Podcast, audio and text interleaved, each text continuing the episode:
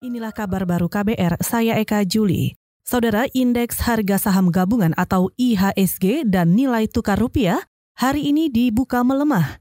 Selengkapnya disampaikan reporter KBR Lea Citra. Saudara, usai demonstrasi mahasiswa yang berakhir ricu, indeks harga saham gabungan IHSG hari ini dibuka melemah 0,26 persen atau 16,12 poin di level 6.121,49.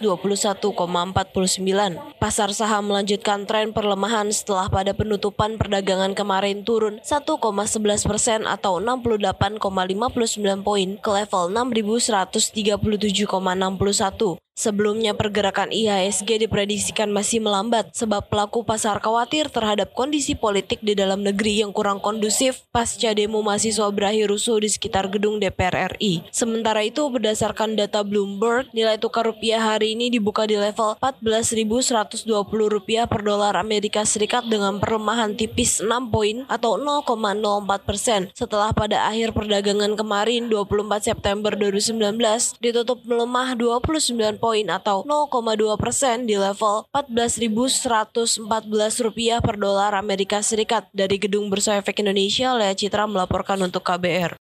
Presiden Joko Widodo disebut kaget mendengar realisasi program reforma agraria yang tidak sesuai harapan. Hal itu diungkapkan Sekjen Konsorsium Pembaruan Agraria atau KPA Dewi Kartika usai bertemu dengan Jokowi di Istana Negara kemarin.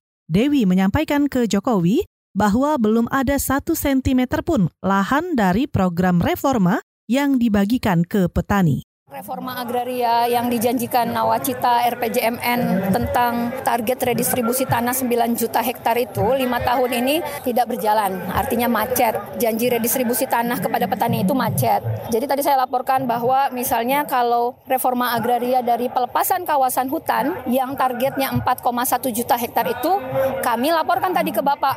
Hasilnya adalah capaiannya 0 hektar. Sekjen Konsorsium Pembaruan Agraria Dewi Kartika juga menambahkan dalam pertemuan itu, Jokowi mengakui banyak menemui kendala dalam menyelesaikan sengketa agraria. Di sisi lain, Dewi Sakartika juga mengapresiasi keputusan Jokowi menunda pengesahan rancangan undang-undang pertanahan.